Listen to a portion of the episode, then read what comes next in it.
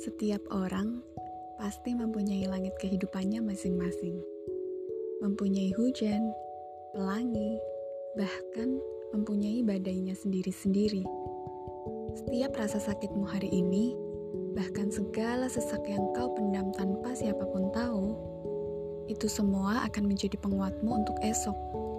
Ali bin Abi Thalib pernah berkata, Yakinlah, ada sesuatu yang menantimu setelah banyak kesabaran yang kau jalani, yang akan membuatmu terpana hingga kau lupa